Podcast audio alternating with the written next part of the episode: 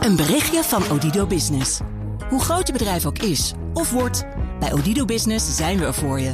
Met unlimited data en bellen en met supersnel en stabiel zakelijk internet. Ook via glasvezel. Ontdek wat er allemaal kan op odido.nl/slash business. Het kan ook zo.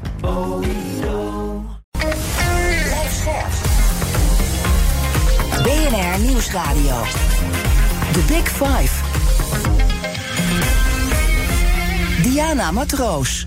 De oorlog in Oekraïne is nu al bijna een jaar bezig en er is nog lang geen zicht op een doorbraak. Welke inzichten moeten we nu heel goed tot ons laten doordringen om te begrijpen wat belangrijke vervolgstappen zijn ook als het gaat om de westerse steun. In BNR's Big Five van de oorlog eh, in 2023 praat ik met vijf kopstukken over het strijdtoneel en allen vanuit een totaal ander perspectief. Vandaag is dat Victoria Koblenko, actrice, presentatrice, politicoloog van Oekraïnse komaf. En daarnaast maakte ze bij BNR de podcast Ukrainia. Dat is een podcast voor Oekraïners die door de oorlog naar Nederland zijn gevlucht. En tot voor kort had ze ook nog een acteercarrière in Rusland en zelfs even Rusland kunnen nog gestudeerd. Victoria, welkom. Fijn dat je er uh, bent. Dankjewel. Het wordt zelden aangekondigd als politicoloog, terwijl dat toch het enige diploma is wat ik heb. Kijk, nou, daar zijn we goed, uh, goed begonnen. En uh, daar heb je gewoon ook veel inzichten om met ons te delen. straks wil ik ook natuurlijk weten wat voor impact dit heeft op jouw familie. Uh, en jouw vrienden, waar je natuurlijk ook nog allerlei contacten hebt. Maar eerst uh, twee belangrijke vragen. En het eerste is: als je mij die aankondiging hoort doen, bijna een jaar bezig deze oorlog, gaan je haren dan recht overeind staan? Zeker. Uh, dat was ook uh, het frustrerende toen de oorlog uh, grootschalig doorbrak. 24 februari vorig jaar. En toen wij gevraagd werden samen met Lef om overal commentaar erop te geven. Dat is jouw man? ja, dat, dat je dan toch al begint met 1-0 achterstand. om te zeggen: ja, maar de oorlog begint niet nu. De oorlog begon in 2014. Alleen was die onzichtbaar en, en niet te begrijpen voor ons in het Westen. En en ook uh, zonder, zonder enige dreiging. En nu de oorlog op deze manier zichtbaar zichzelf heeft gemanifesteerd, is dat een nieuwe dreiging uh, die we afgelopen tientallen jaren in West-Europa niet hebben meegemaakt. En ja, zijn we opeens wakker geworden. En, en, en lijkt het intussen in de media dat wij, um, dat is meteen mijn grootste frustratie van het dagelijkse nieuws.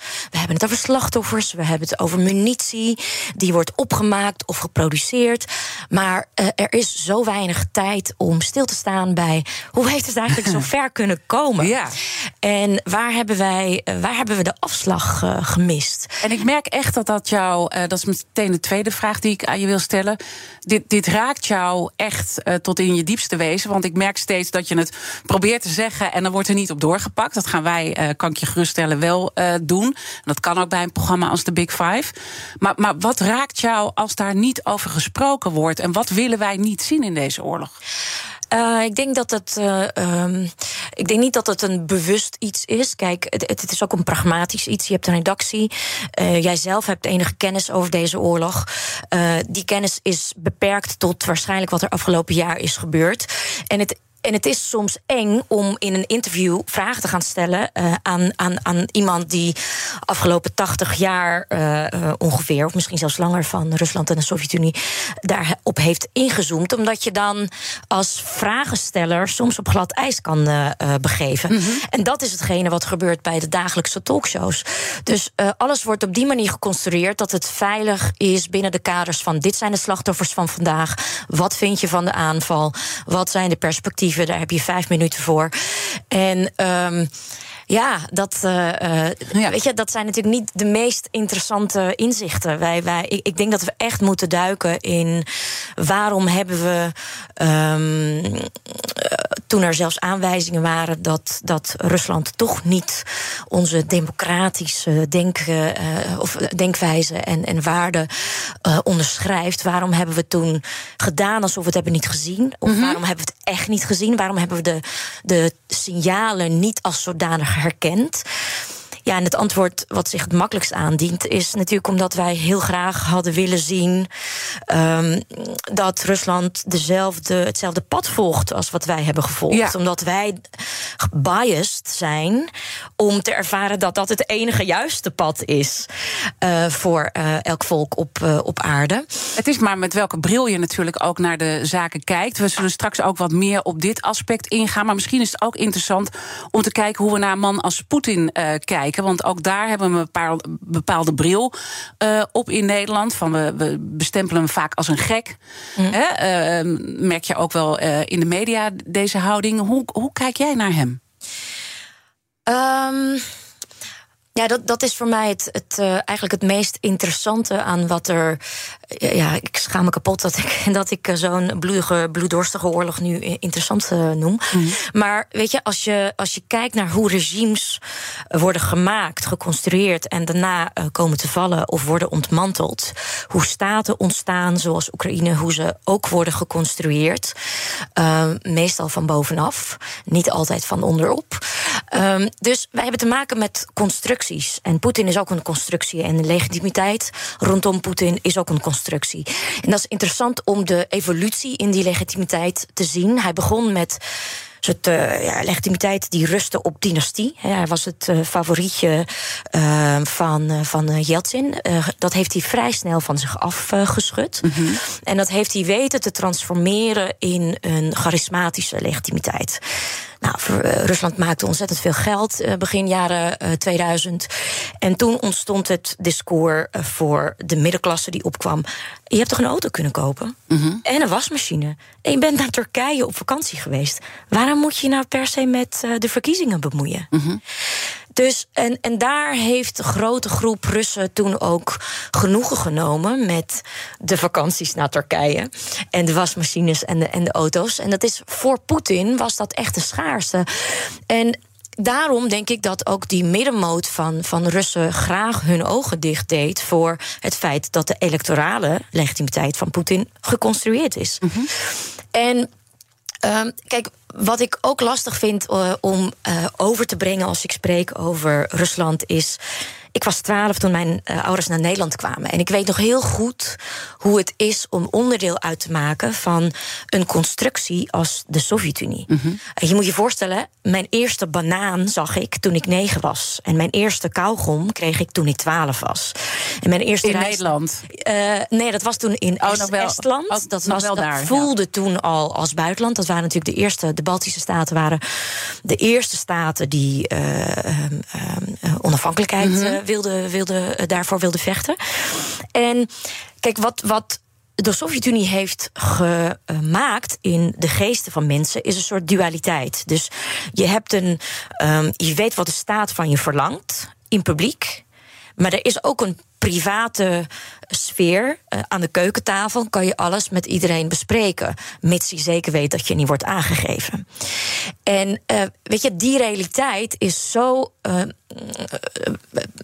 Paradoxaal anders dan wat wij in Nederland kennen. Ja. He, dus dat, dat dubbele van die mensen die. Maar daar, daar was je dus zelf ook een onderdeel van. Zeker, zeker. En, en mm, kijk, de, de, de lesstof die ik kreeg uh, in de Sovjet-Unie uh, over de geschiedenis en over de Vaderlandse oorlog en hoe de Sovjet-Unie de overwinning op de Tweede Wereldoorlog volstrekt naar zichzelf toe schoof in de boeken die ik uh, las. Um, ja, dat is natuurlijk apart, want van de grote alliantie was helemaal geen sprake. Nee, het waren de, de, de, so de, de, het was de Sovjet-Unie die de oorlog had gewonnen. En dat is onschuldig totdat je merkt dat dat gebruikt wordt als een instrument om uh, mensen het idee te geven dat wij goed zijn in oorlog. De Russen zijn. The Big Five. Diana Matroos.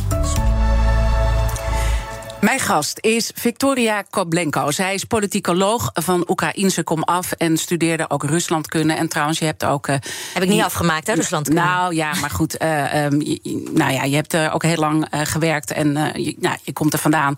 Dus je weet er genoeg van, lijkt mij. En je hebt ook aan de Universiteit aan, van Leiden gestudeerd. Hè. Dat is ook belangrijk om daar even bij te zeggen. Um, we waren denk ik op een belangrijk punt. Want um, je benoemt hoe er gekeken wordt naar die oorlog. En ik heb een mooie podcast ook voor jou geluisterd samen met Ruud de Wildrouw. Oh. Ja. en dan zeg je, die Tweede Wereldoorlog is een grotere vlek dan we beseffen. Mhm. En ehm, er is echt een oorlogscultus die door de strot geduwd is in Rusland. Ja, ik wil dat even toelichten. Dat is, uh, kijk, als acteur, toen ik daar tien jaar geleden naartoe ging om, uh, om, om daar te proberen om uh, daar mooie verhalen te filmen. Um, een van mijn grootste inspiratiebronnen was natuurlijk, waren de verhalen die ik van mijn opa en van mijn oma hoorde. De, hè, mijn oma op het platteland in Oekraïne is letterlijk door de Duitsers uh, bewusteloos geslagen. Um, en nou ja, al, dat soort familieverhalen. Elk gezin heeft zo'n verhaal. En daarom is er veel meer, vergeef me het parallel, munitie op het gebied van film uh, in de filmindustrie. Om daar meer, meer verhalen over te maken. Nou, en dat is voor een acteur interessant totdat je je realiseert dat dat ook een instrument is om niet alleen maar terug te blikken op die mhm. oorlog, maar dat ook te verheerlijken. En, um, en dat vertekenend te verheerlijken. Dus alleen maar bepaalde. Um, dus die oorlog te bezingen alleen vanuit het heroïsche van uh, de Sovjet-Unie. En al die andere mensen van de grote alliantie die geholpen hebben om Hitler te, in te dammen, die bestaan dan niet in die verhalen. En wat ik geloof ik ook bij Ruud had gewild, is uh, genoemd. Um, je weet al die grote John de Mol formats. Het dansen met sterren op het ijs. En dansen sowieso met sterren. Dat zijn grote programma's. En in een land als, als Rusland, als dat op de eerste staatszender wordt uitgezonden, wordt, er, wordt dat door 70 procent uh, mensen met de televisie bekeken. En op het moment dat je elk liedje uh, dat dat een oorlogsliedje gaat zijn waarop gedanst wordt. Dat is natuurlijk een soft propaganda. Er wordt niet gezegd wij bezingen hier de oorlog mhm. en het heroïsche van onze overwinning. Maar je laat daarmee steeds als een 3D-printer, laagje voor laagje voor laagje, maak je bij mensen normaal dat dat het DNA is waar ze uit bestaan. En dat kan een dergelijke, dat kan een trots zijn, dat je, uh, ja, dat je daarop terug kan blikken. Dat, dat het land zoveel slachtoffers. Um, intussen zien we aan mhm. hoe Rusland de, of, eh, de oorlog voert in Oekraïne. dat het bij, uh, ja, bij gratie van kwantiteit gaat. Dat een mensleven eigenlijk nog steeds zoveel jaar later niets waard is. Dat, mhm. dat er maar gewoon mensen in die vleesmolen worden gegooid. Dat was in de Tweede Wereldoorlog natuurlijk ook uh, het geval. Mm um, en, eh, maar daar komt dus ook bij jou een, een, een besef, want je bent dus eigenlijk, nou, je bent onderdeel uh, geweest van dat uh, verhaal. En dat je tot een besef komt eigenlijk dat je zelf ook gehersenspoeld bent. En dat je daar. Uh... Absoluut. Ja. ja, nee, maar ik denk dat wij, weet je, elk land heeft een eigen hersenspoeling. Mm -hmm. En uh, natuurlijk hebben we in het Westen veel meer onafhankelijke media. Maar weet je, terugkomen te waar ik dit verhaal mee begon. Alles is een construct. Weet je, dit, eh, dit interview heb je ook voorbereid. En je weet welke richting het ongeveer uit zal gaan. Dus um, nou ja, we zijn nu al een hele andere afslag uh, gegaan. Want ik had al lang over Oekraïne willen beginnen. Maar goed, het gesprek is het uh, gesprek. En het is heel uh, boeiend wat je vertelt. Want vanuit dat besef wat, wat jij dan hebt, hè, die oorlogscultus, is, is dat dus ook een andere manier waarop je naar deze oorlog bent gaan kijken nu? Uh, ja, want uh, als je dit verhaal doortrekt naar hoe de Russische Federatie de trots uh, en het heroïsche uh, van de Tweede Wereldoorlog eigenlijk zichzelf toe-eigent. Terwijl destijds in de Sovjet-Unie werd er gevochten door 15 deelrepublieken. En uh, de grootste verliezen werden geleden in uh, bijvoorbeeld Wit-Rusland, Oekraïne, maar ook andere deelrepublieken. En die deelrepublieken die hebben heel groot ongenoegen opgebouwd. Allereerst omdat zij constant gediscrimineerd werden tijdens de Sovjet-Unie. Omdat er een soort hiërarchie was dat de Russische taal en de Russische cultuur stond boven de Georgische, de Armeense, de Oekraïense. Dus um, dat sentiment, uh, weet je, dat is hetgene wat, uh, wat heeft.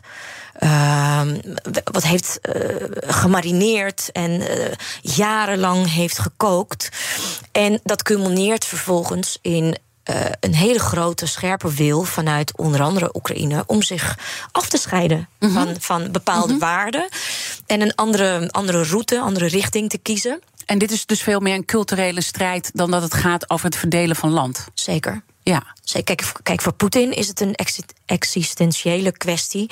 Een imperialistische kwestie van het terughalen van wat Lenin ooit bedacht heeft. Namelijk Oekraïne. Dus het, het hele bestaan van Oekraïne is in zijn wereldbeeld ehm, eh, een illusie.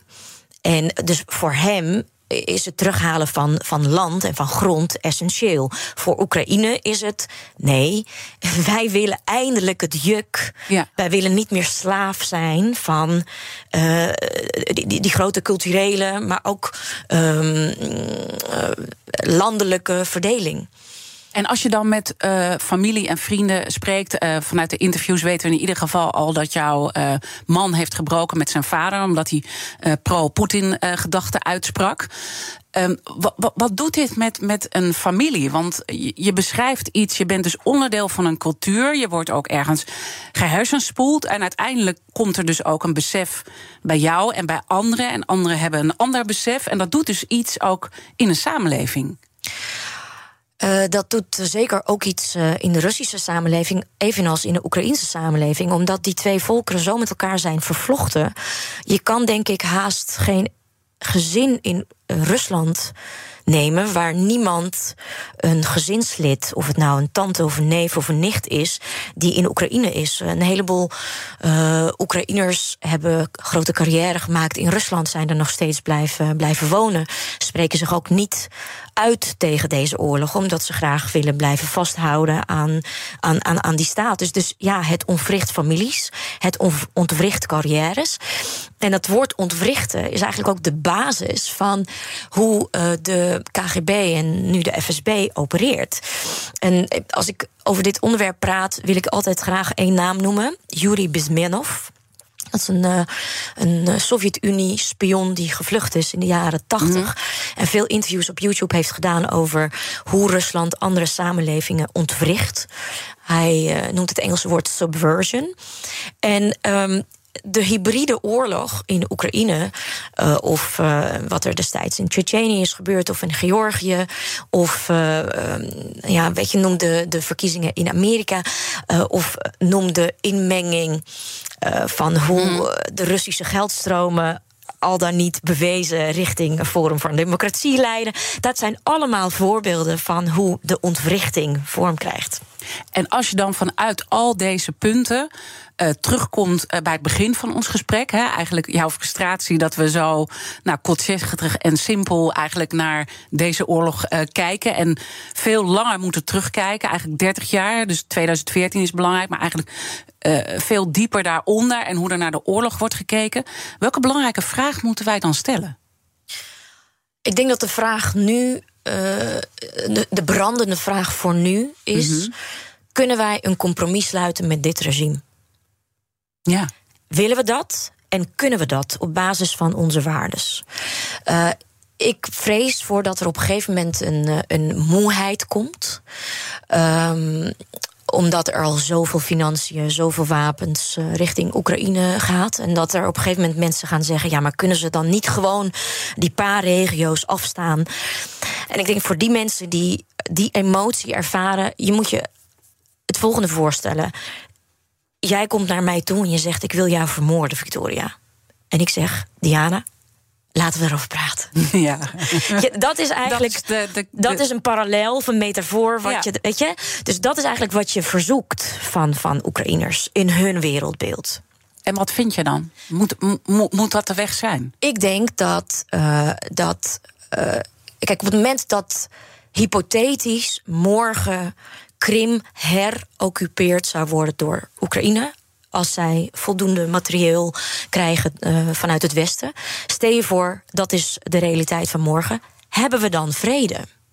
We hebben dan alle eh, territoria terug.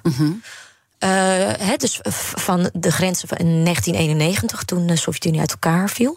Maar hebben we dan vrede? Grens Japan dan opeens aan Letland, Litouwen en Estland? Natuurlijk niet. Wat doen wij dan met het Rusland wat achterblijft. Waar we dan eigenlijk mee te maken hebben, vrees ik, is een tijdelijk staakt het vuren.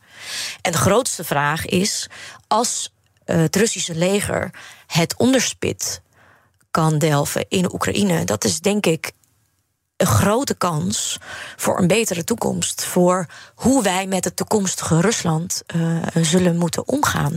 Maar dat vraagt ook dan toch dat je met elkaar in gesprek gaat. Uh, nadat Mhm. Het vraagstuk van de bufferzone of de, de regio's die zijn uh, geannexeerd. Um, ja, wat daarmee gebeurt. Ja, dat, weet je, kijk, als je nu een dialoog aangaat, sla je het stuk over. Morgen dan is Rob de Wijk uh, te gast, oprichter van het Den Haag Centrum voor Strategische Studies. Overigens, uh, um, je hebt les gehad van hem, Zeker. Universiteit zeker. Leiden. een kleine 22 jaar geleden. Ja, Um, leuk, want je mag straks ook een kettingvraag uh, aan hem stellen. Abonneer je alvast op onze podcast via je favoriete podcastkanaal. Dan weet je zeker dat je niks mist. En straks praat ik verder met Victoria Koblenko. En dan uh, gaan we ook praten hoe we dan die dialoog uh, zouden moeten aangaan. En wat we echt van Oekraïne moeten begrijpen in het diepste wezen. Blijf luisteren. Een berichtje van Odido Business. Hoe groot je bedrijf ook is of wordt, bij Odido Business zijn we er voor je. Met unlimited data en bellen en met supersnel en stabiel zakelijk internet. Ook via glasvezel. Ontdek wat er allemaal kan op odido.nl/slash business. Het kan ook zo. Wist je dat 35% van het totale verzuim op het werk komt door uitdagingen rondom mentaal welzijn? Met de psychologen en lifestyle-experts van OpenUp werken jouw werknemers online via één op één sessies, groepsgesprekken of cursussen aan hun weerbaarheid. Zo zijn jouw teams beter bestand tegen de uitdagingen van het dagelijks leven, thuis en op het werk. Verhoog net als Decathlon, KPN en HelloFresh de weerbaarheid van je werknemers. Ga naar openup.nl/slash bedrijven. Let's open up.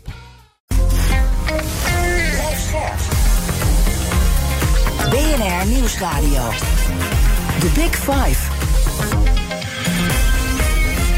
Diana Matroos. Welkom bij Tweede Half Uur. Deze week praat ik met vijf kopstukken over de oorlog in Oekraïne dit jaar. We hadden niet gehoopt dat dat nog uh, zou moeten, maar helaas is het zo. Morgen praat ik met Rob de Wijk over het geopolitieke strijdtoneel. Mijn gast vandaag is Victoria Koblenko, actrice, presentatrice, politicoloog van Oekraïnse Kom Af. En daarnaast maakte ze bij BNR hier de podcast Ukrainia.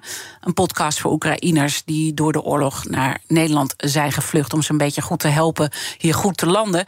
En ze had tot voor kort ook een acteercarrière in Rusland. Komend half uur wil ik in ieder geval nog twee belangrijke onderwerpen met je bespreken. Namelijk de band tussen het Westen en Oekraïne. En hoe de strijd in Oekraïne zich de komende tijd zal ontwikkelen. Maar eerst wil ik nog even um, um, uh, kort met jou stilstaan. Ook bij de inzamelingsactie die jij doet met jouw man uh, Lef. -hmm. um, die is al een tijdje gaande. En die heeft natuurlijk ook alles te maken met de situatie in uh, Oekraïne. Waar nou ja, geen elektriciteit elektriciteit meer is. Mensen zitten in de kou. Hoe gaat het met de inzamelingsactie? Eh, ja, wij zijn eigenlijk die actie heel spontaan begonnen. Ik dacht, uh, het overviel me dat Rusland halverwege um, oktober de energiecentrales zo grootschalig uit wilde schakelen. En ik weet hoe koud die winters kunnen worden. Vooral januari, februari kan tot min 35 worden. Ja, misschien min 25 nu met het klimaat. Maar weet je, dat is heel koud. Dus ik dacht, wij moeten iets doen wat super concreet is. En ik had een GoFundMe aangemaakt via Instagram verspreid. En ik dacht, ja, ik heb best wel veel grote, grote volging. En mensen willen graag zien waar hun geld naartoe gaat. En uh, wij bieden ze foto's en video's hoe het vervoerd wordt, die mm. generatoren. En intussen hebben we een half miljoen euro opgehaald in anderhalve maand. Ben ik super trots op. Ja, Wil ik ook uh, heel erg graag mee doorgaan. Dus ik heb allerlei ideeën bedacht hoe ik komende tijd uh, bij bedrijven in ruil voor een donatie uh, uh, talks ga aanbieden. Ja, zodat ik dat kan aanvullen. Want ja, januari is nog lang niet voorbij en februari moet nog komen. Ja, dus ik ben, ik ben eigenlijk heel blij dat ik zo eigenwijs ben geweest om te zeggen: Weet je, um, mm -hmm. we doen het gewoon via GoFundMe. Als mensen die nu luisteren um, iets willen geven, heel graag. Er zijn mensen die slechts 5 euro hebben gegeven. In totaal 8000 mensen hebben, hebben gedoneerd. Maakt niet uit wat, wat, wat je doet als je maar iets ja, uh, doet. Uh, want, want vanuit het besef nog uh, wat er nu in Oekraïne gebeurt. kijk, even helemaal terug naar het begin, wat voor jou veel eerder begonnen is. Hè? want dat, dat is eigenlijk wat je zegt. 2014 was echt al, de oorlog is toen al begonnen. En dat wilden wij met z'n allen uh, niet zien. Uh, 24 februari uh, vorig jaar, nou ja, zagen wij het dus wel allemaal vol verrassing. Als je dan kijkt hoe je eigen gevoel is veranderd in de afgelopen maanden is dat veranderd? Of, of komt het nog net zo hard binnen? Of raak je ook nee, ergens murf van? Het is, het is zeker veranderd. Want voor, voor 24 februari... ik wist natuurlijk van onze vrienden en familie... die waren geëmigreerd binnen hun eigen land. Dus uit Donbass-regio richting mm. het westen, Lviv of Kiev. Eh, hadden hun huis, haard, eh, bedrijf eh, achtergelaten, opnieuw begonnen. Um, ja, weet je, dat, dat waren de situaties waar we wetenschap uh, van hadden. Ik ben naar talloze toneelstukken geweest in, in Kiev... die over de oorlog sinds, sinds 2014 gaan. Maar ik heb mij tot 24 eh, februari nog nooit zo Oekraïens gevoeld. En het is interessant ook om kritisch naar mezelf te zijn, hoe dat toch gevoed wordt. Weet je, hoe je toch je wortels opeens voelt. Ik heb, ik heb altijd maar één paspoort gehad, eh, mijn Nederlandse paspoort. Dus ja, ik ben geen staatsburger van Oekraïne geweest. Uh, ook al stond ik in het Sovjet-paspoort van mijn ouders uh, ingeschreven. Maar nu dit gebeurde, was het voor mij heel makkelijk om kant te kiezen. Mm. Um, omdat, ja, voor mij is het heel eenduidig. Uh, weet je, wie de aanvaller is en, en, en wie zich moet, uh, moet verdedigen. Maar intussen bevind ik me in een situatie waarbij wij uh, dus Oekraïens moeten leren. Omdat we intussen door Oekraïners die Russisch-talig waren voor de grootschalige invasie in februari. nu opeens Oekraïens praten. En Russische taal is een soort heikel punt geworden. Dat als je dus Russisch spreekt. Ik was onlangs op reis. En ik merk dat als Oekraïners naast me horen dat ik Russisch spreek, dat ze denken dat ik een Rus ben. En ik heb dan een ontzettende behoefte om te bewijzen ja. dat ik. Uh, dat dus ik, moet je Oekraïens kunnen spreken? Ja, en, en ik, ik spreek dat passief. Ik uh, versta 60, 70 procent, maar ik ben niet vloeiend. Dus dat is mijn uh, ja, taak voor komend Dus je wordt jaar. eigenlijk nu gediscrimineerd ja. door waar je zelf vandaan komt? Ja, ondanks dat ik eigenlijk sinds het begin van de oorlog niets anders heb gedaan qua mijn officiële baan als acteur, maar echt alleen maar benefieten en mensen ja. Huisvesten en werkgelegenheid Dat is heel wrang natuurlijk, maar, maar, je pakt het op, je pakt pak de handschoen op. op. Dit is gewoon wat ik moet dragen en wat ik ook wil uh, ja. dragen. Wat ik ook gemist heb, omdat ik grootgebracht ben in de Sovjet-Unie. Terugkomend op die hiërarchie van taal en, en de hiërarchie van de Russische cultuur. Uh, die nu, vind ik, ten onrechte door de Russen wordt misbruikt in de dialoog van ja, ze, ze cancelen weet je, de Russische cultuur. Nee. Uh, het Theater Scala in Milaan is een seizoen begonnen met een Russische componist.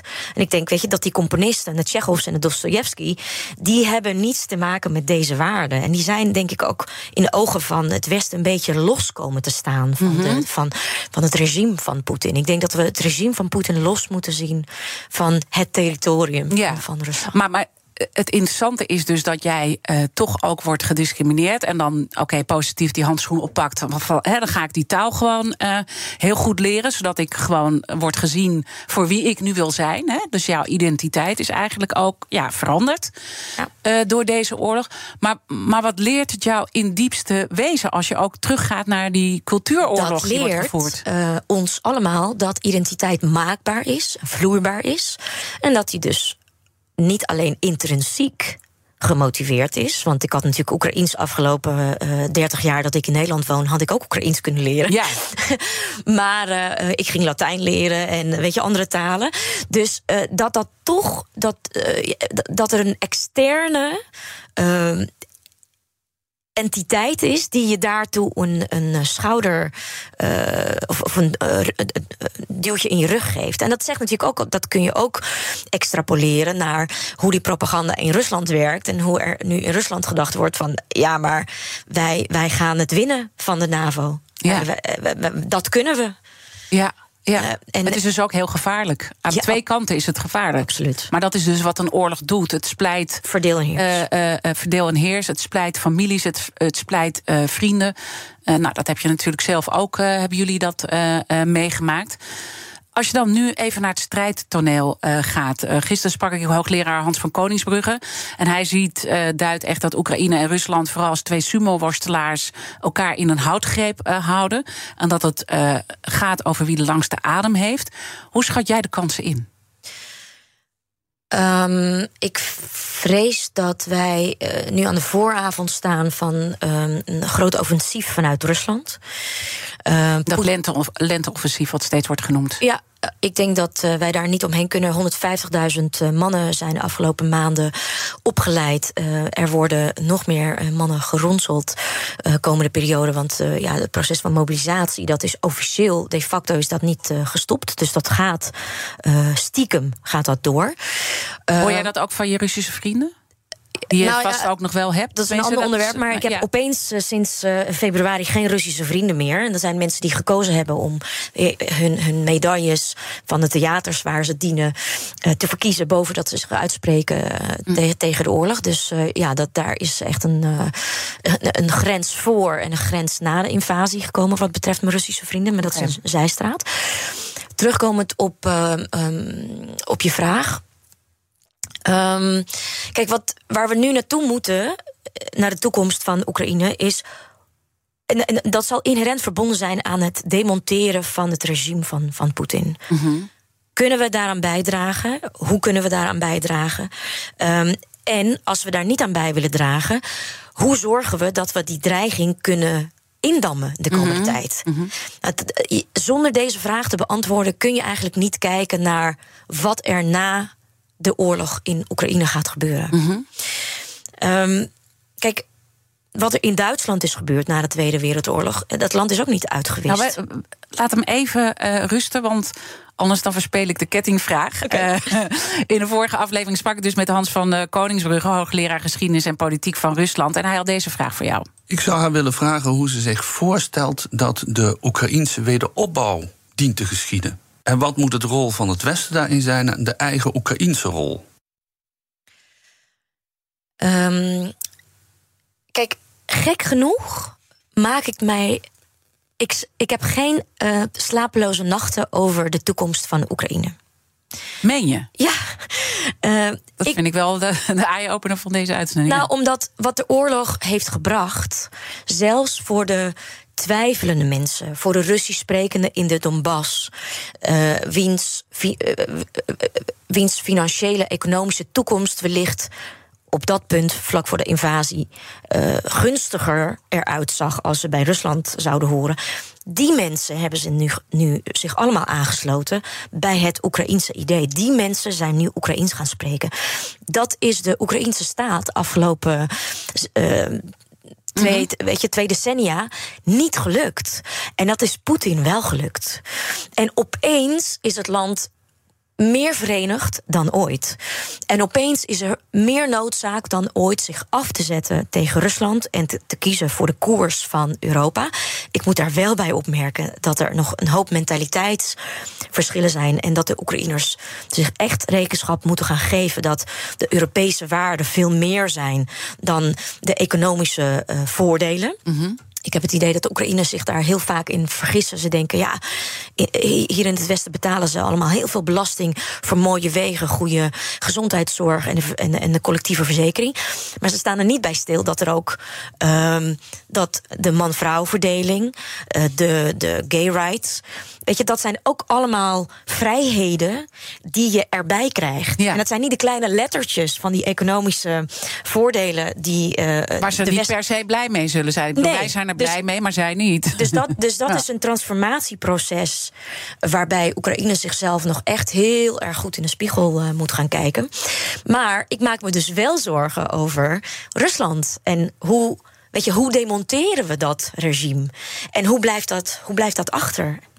Een berichtje van Odido Business. Hoe groot je bedrijf ook is of wordt, bij Odido Business zijn we er voor je. Met unlimited data en bellen en met supersnel en stabiel zakelijk internet. Ook via glasvezel. Ontdek wat er allemaal kan op odido.nl/slash business. Het kan ook zo. Wist je dat 35% van het totale verzuim op het werk komt door uitdagingen rondom mentaal welzijn? Met de psychologen en lifestyle-experts van OpenUp werken jouw werknemers online via één op één sessies, groepsgesprekken of cursussen aan hun weerbaarheid. Zo zijn jouw teams beter bestand tegen de uitdagingen van het dagelijks leven, thuis en op het werk. Verhoog net als Decathlon, KPN en HelloFresh de weerbaarheid van je werknemers. Ga naar openup.nl/slash bedrijven. Let's open up! BNR Nieuwsradio. The Big Five. Diana Matroos. Je luistert naar BNR's Big Five van de oorlog in 2023. Later deze week zal ik nog spreken met voormalig NAVO-baas Jaap de Hoop Scheffer over de wisselingen in de top van de NAVO. Mijn gast vandaag is Victoria Koblenko, actrice, presentatrice, maar ze zit hier vooral als politicoloog van Oekraïnse Komaf. Um, ik merk al dat we veel te weinig tijd hebben om alle belangrijke dingen te bespreken. Maar je was net bij je zorgenpunt over, over uh, Rusland. En uh, toch is het verbazingwekkend dat je zegt: ja, eigenlijk wordt Oekraïne. Nou, misschien verrekenen ze zich ook wel met een paar punten. Maar uh, zijn ze er ook sterker door geworden, meer verenigd door geworden. En maak me op de lange termijn minder zorgen over Oekraïne. En meer over Rusland. En, en waar zit jouw zorg dan? De zorg zit hoe wij met zo'n groot land uh, als, als, als Rusland. Ik, ik, moet mezelf corrigeren. Hè, dus ik, ik, wil het niet hebben over het land, want dat zal gewoon altijd blijven bestaan. Mm -hmm. Dat kun je niet uitvissen. Mm -hmm. Maar het regime zal zich op de een of andere manier moeten heruitvinden. En totdat het zichzelf heruitvindt op een manier die wij vinden passen bij onze waarden, zal het een dreiging zijn. En ik denk dat het een, een beetje omdenken vergt op de lange termijn. Dat wij de geld en wapens wat Oekraïne van ons krijgt, niet zien als liefdadigheid maar als een investering in de toekomst in een wereld zonder de dreiging van het regime van Poetin mm -hmm. of zijn gelijkgestemde. En dat is denk ik voor, voor dat is een hele grote vraag voor ons om, om te verteren. Want wat zit daar ook jouw angst onder dat het Westen uiteindelijk uh, toch de handdoek in de ring gaat gooien en denken van joh, dit, ja, kijk, duurt te lang gewoon. Nou, heel kort over de sancties. Ja, dus de grote bazen, Shoigu enzovoort, zijn uh, gesanctioneerd. Ja, ik, ik volg al die kinderen van al die mensen op Instagram. Afgelopen uh, tien maanden van de oorlog hebben die kinderen overal ter wereld feest gevierd. In hotels van 4000 euro de nacht geslapen. Dus Weet je, als je dan sanctioneert, dan vind ik dat je ook dieper moet sanctioneren. Mm -hmm. De kinderen en de kleinkinderen. Ja. Zodat, zodat deze mensen niet kunnen blijven feestvieren op, uh, uh, op hun jachten en wereldreizen kunnen blijven. Dus nog terwijl hun raken. vaders ja. uh, de verantwoordelijke zijn voor oorlogsmisdaden in, in Oekraïne. Ja, weet je, dat, dat, ik hoop dat het niet alleen mij tegen de borst mm -hmm. stuit, maar mm -hmm. vele, vele van ons. Kijk, en. Um, ik wil ook kijken naar hoe uh, Poetin zich in de media heeft gemanifesteerd de afgelopen paar maanden. Ik vind dat mateloos interessant, want ik volg hem natuurlijk al jaren in, in zijn ja. persconferenties, in zijn taalgebruik, in zijn grapjes. Uh, dat is mijn grote hobby om dat te ontrafelen. Taal, ja. Hij heeft uh, afgelopen jaar de grote persconferentie is afgelast. De grote Premaya linie, de direct, directe lijn waar uh, Russen zogenaamd echte vragen aan Poetin kunnen stellen, afgelast.